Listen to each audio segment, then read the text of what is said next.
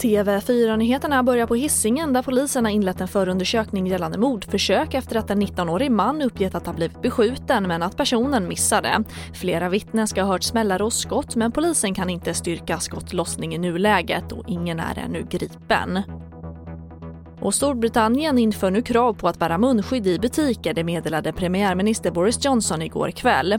Och den som bryter mot kravet som införs den 24 juli riskerar böter på motsvarande 1000 kronor. Och coronaviruset har återigen tagit ett hårt grepp om Kalifornien och delstatens guvernör har beslutat att återigen stänga inomhusrestauranger, barer, biografer, djurparker och museer i hela delstaten efter att antalet coronafall ökat kraftigt.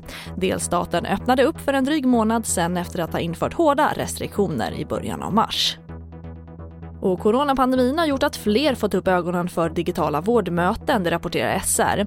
Mellan januari och maj i år hade landets privata digitala vårdgivare som till exempel Kry, Min doktor och doktor.se haft drygt 800 000 besök och det jämfört med 1,1 miljoner under hela förra året.